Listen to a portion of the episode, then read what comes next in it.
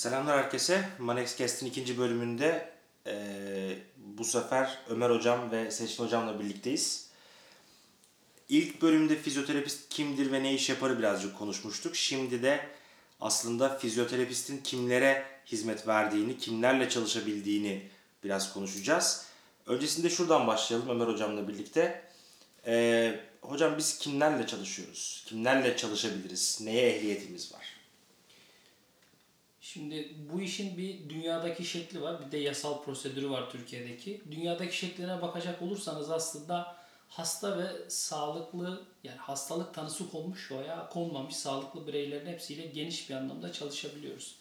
Ama Türkiye'deki yasal süreçte biz e, tanıları konulmuş hastaları hekim kontrolünde takip edebiliyoruz. Onun haricinde herhangi bir problemi olmayan sağlıklı bireyler için de egzersiz programları düzenleyebiliyoruz. Onların sorunlarına yönelik çözüm önerilerinde bulunabiliyoruz. Ama fonksiyonel sorun diyelim. Fonksiyonel sorunlar, aynen öyle. problemler. Yani bir hastalık boyutu var, bir de koruyucu fizyoterapi terapi alanı var. İkisinde de görev alabiliyoruz.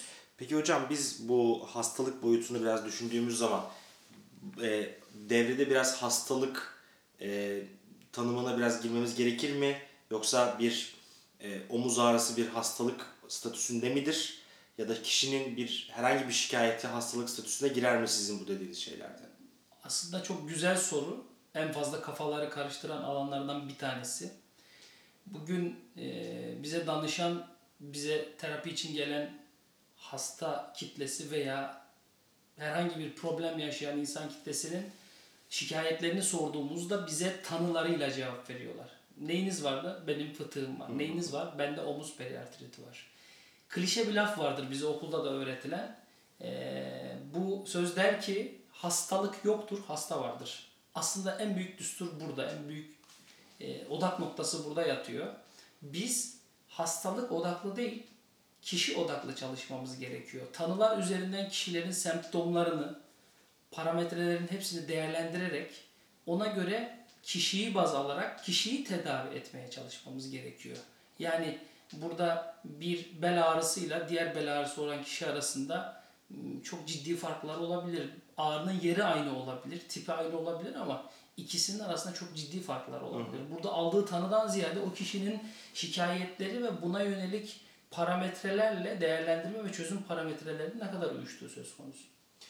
Ee, burada e, hepimiz onu yaptığımızı biraz düşünüyoruz. Hastalık yoktur, hasta vardır kısmında. Ama burada da Seçin Hocam'a bir söz vermek isterim. Hastalık e, kısmında mesela aynı şikayetle gelen veya aynı hekim tanısıyla gelen herkeste aynı hastalık var mıdır? Yoksa bu, bu hastalığı bir rahatsızlık yaratma şiddetine göre mi derecelendiririz, nitelendiririz? Nasıl yapmamız gerekir bunu? Şimdi zaten bizim Türkiye'deki en büyük problemlerimizden bir tanesi e, bu ICF dediğimiz böyle genel e, Dünya Sağlık Örgütü'nün koyduğu belli tanı kriterleri ve tanı kodları var. E, genelde e, doktor arkadaşlarımız bu kodlar üstünden yürüyor. Yani bizim için de fizyoterapi olarak baktığımız zaman e, bu kodlar esasında bizim için mesela bir impingement, bir işte demin Ömer hocamın söylediği gibi bel fıtığı. Yani hastanın size neyiniz var sorusuna verdiği cevaplar aslında oluyor. Ama bir impingement tanısı konmuş, omuz rahatsızlığı olan bir hastanın mesela impingement'ının neden dolayı impingement olduğunu çoğu zaman düşünmüyoruz. Ya da derste söylediğimiz gibi neden impingedi? Neden impingedi? Yani neden böyle bir orada bir sıkışma oldu? Bunun bir sürü fizyolojik, patofizyolojik durumu, patokinezyolojik durumları olur. Hatta patomorfolojik durumları bile olabilir. Şimdi biz bunların altta yatan sebeplerini bulmazsak sadece impingement tedavisi yaparsak tabii ki iyileşmeyecektir hasta. Bu da demek oluyor ki gene esasında hasta yoktur, hastalık vardır. Şimdi bu o zaman yumurta mı tavuktan, tavuk mu yumurtadan çıkar gibi bir sözü oluyor. Çünkü o zaman da hastalık baktığınız zaman impingement tanısını o zaman da irdelememiz lazım geliyor. Ama baktığınız zaman bir impingement olayında bir sürü neden varsa bu nedenlerin her biri de her insanda farklıysa o zaman gene şöyle diyoruz hasta da var. Hem hasta var hem hastalık var. Zaten bütüncül yaklaşımın sonuçları bunu getirmesi gerekiyor. Biz her zaman bireye hasta de olarak değil bana sorarsanız birey olarak bakıp bu bizim de çalıştığımız e, şey böyle konsept böyle biyopsikososyal konsept içerisinde bir sürekli bunu tartışıyoruz ve söylüyoruz ama bu ne yazık ki böyle. Altı da boş değil en azından bizim tarafımızdan. Meslektaşlarımızda da böyle olmamasını umuyorum. Bu boşluğu doldurarak biyopsikososyal çerçevede düşünüp hastalığın veya bireyin her türlü e, durumunu değerlendirip ona göre e, uygulamalarımızı yapmamız gerekiyor. Şimdi hocam verdiğiniz örnekte mesela bir impingement örneğinde impingement sendromu diye bunlar e, geçiyor.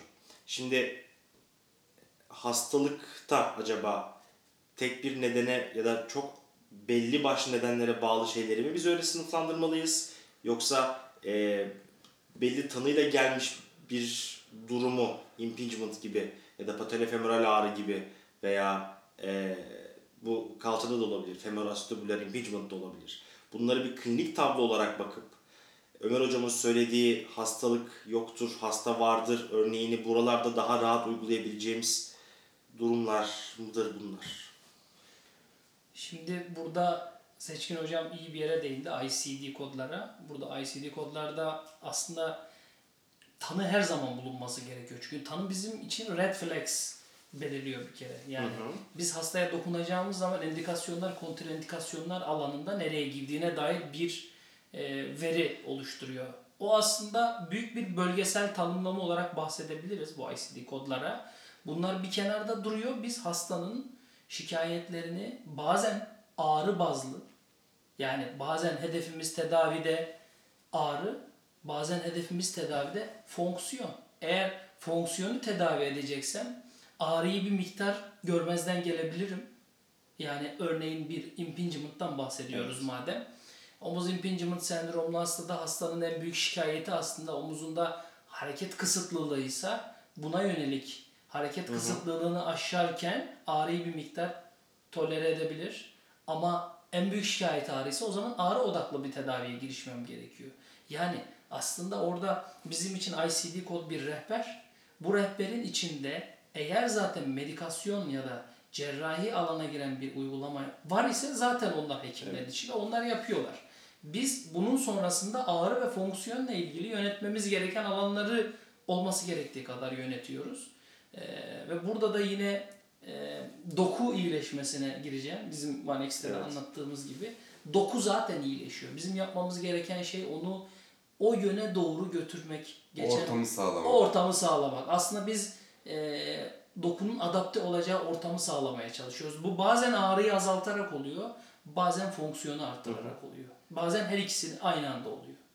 Peki e, sonuç olarak Türkiye'deki yasal prosedür gereği hastalar bir şekilde hekimlere gidiyorlar. Çeşitli tanılar alıyor, e, alıyorlar. Zaten hastalık e, üzerinden konuştuk.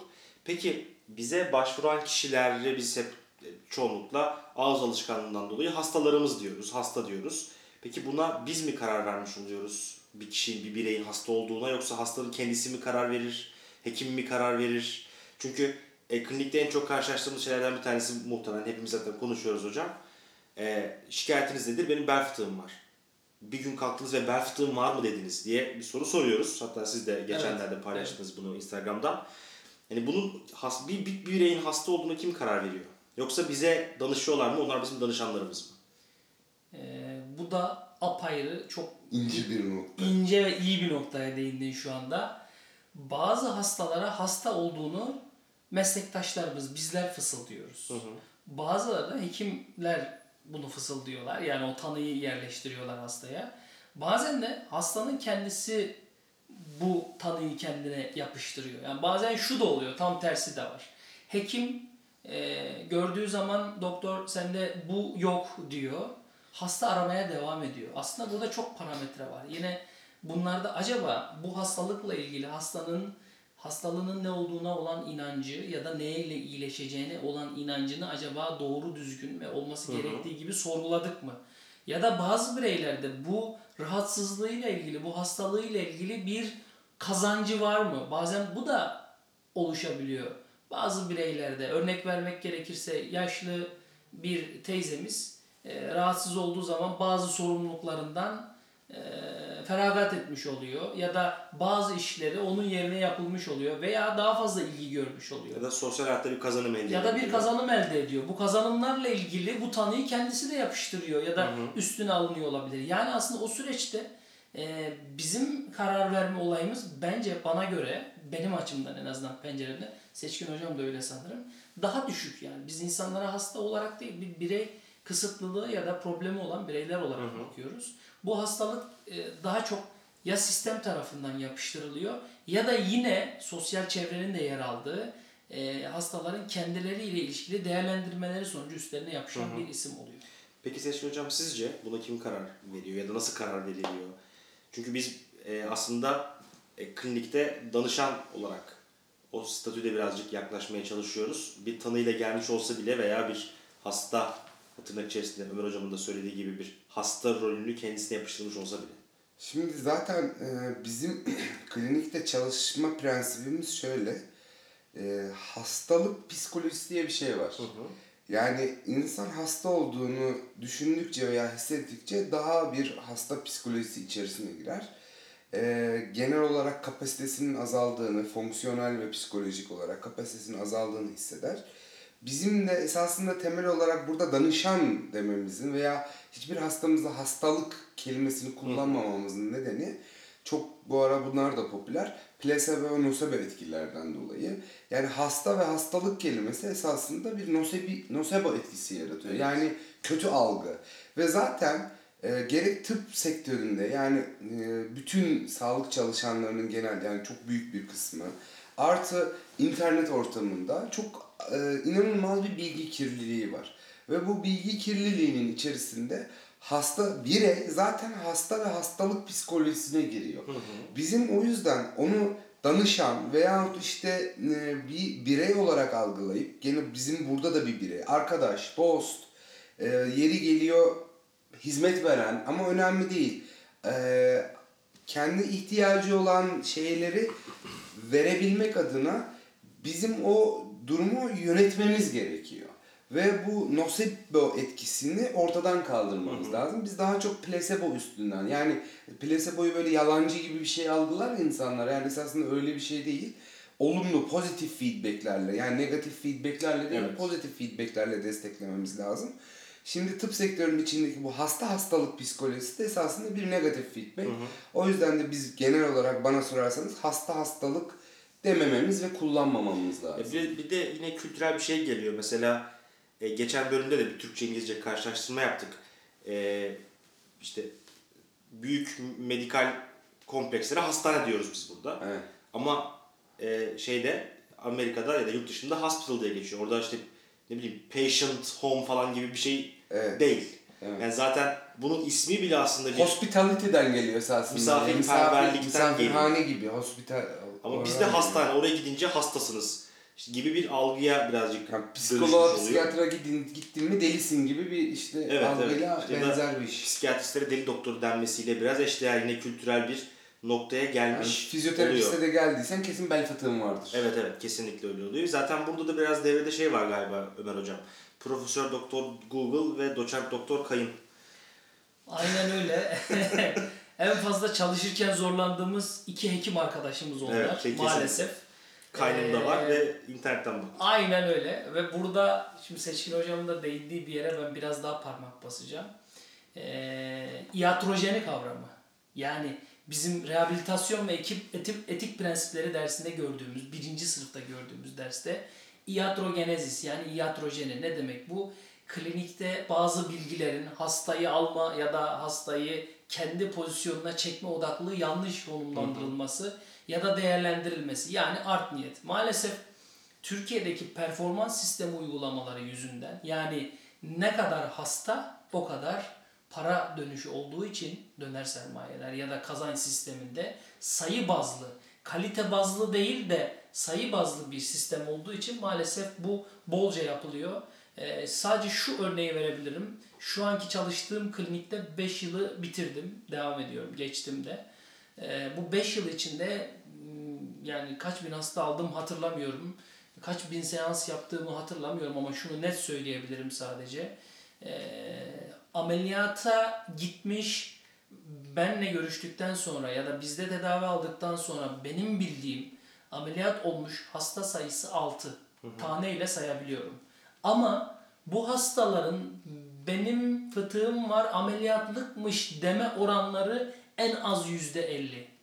Buradan da aslında konunun ne kadar gerçekçi ya da gerçek dışı olduğu çok net bir şekilde verilerle anlaşılıyor. Aslında bu e, sağlık sisteminin birazcık daha korkutmaya dayalı bir hem reklam politikası hem hekimlerin veya işte tüm sağlık personelinin aslında ortak dili o bir belki de. Ben devletin politikası Devletin biraz da öyle politikası. yani. Aslında Sağlık Sağlık büyük, politikası. büyük şirketlerin e, devletlere, hükümetlerle beraber ya da devletlere yaptırttıkları bir politika. Yani X ilaç şirketi e, çok ciddi bir kazanç kapısından vazgeçmek istemiyor açıkçası. Ya da Y cerrahi e, yöntemlerini satan veya onunla ilgili enstrümanları satan çok büyük ihaleler bunlar. Çok büyük paralar dönüyor.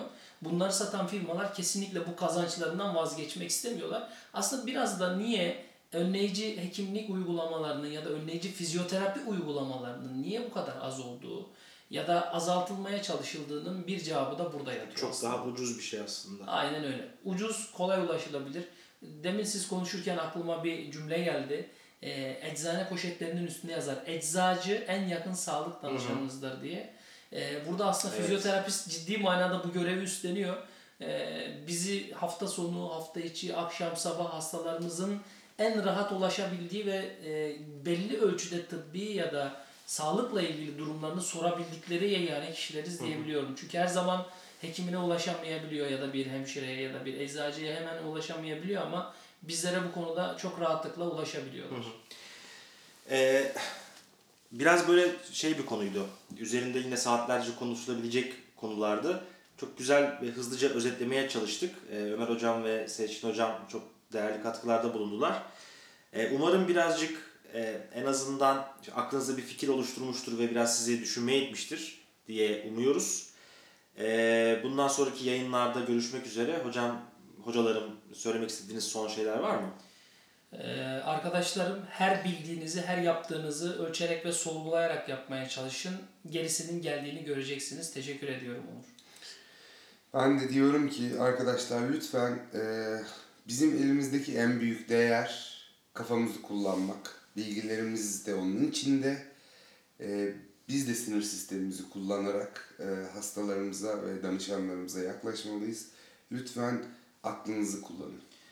Herhalde en iyi özetleyecek şey seans sonunda e, elleriniz kafanızdan çok yorulduysa yanlış bir şeyler yapıyorsunuzdur deyip herhalde kapatabiliriz bunu değil mi? Aynen. öyle. Aynen öyle süper. Diğer yayınlarda görüşmek üzere arkadaşlar. Kendinize iyi bakın. Görüşmek üzere. Görüşmek üzere.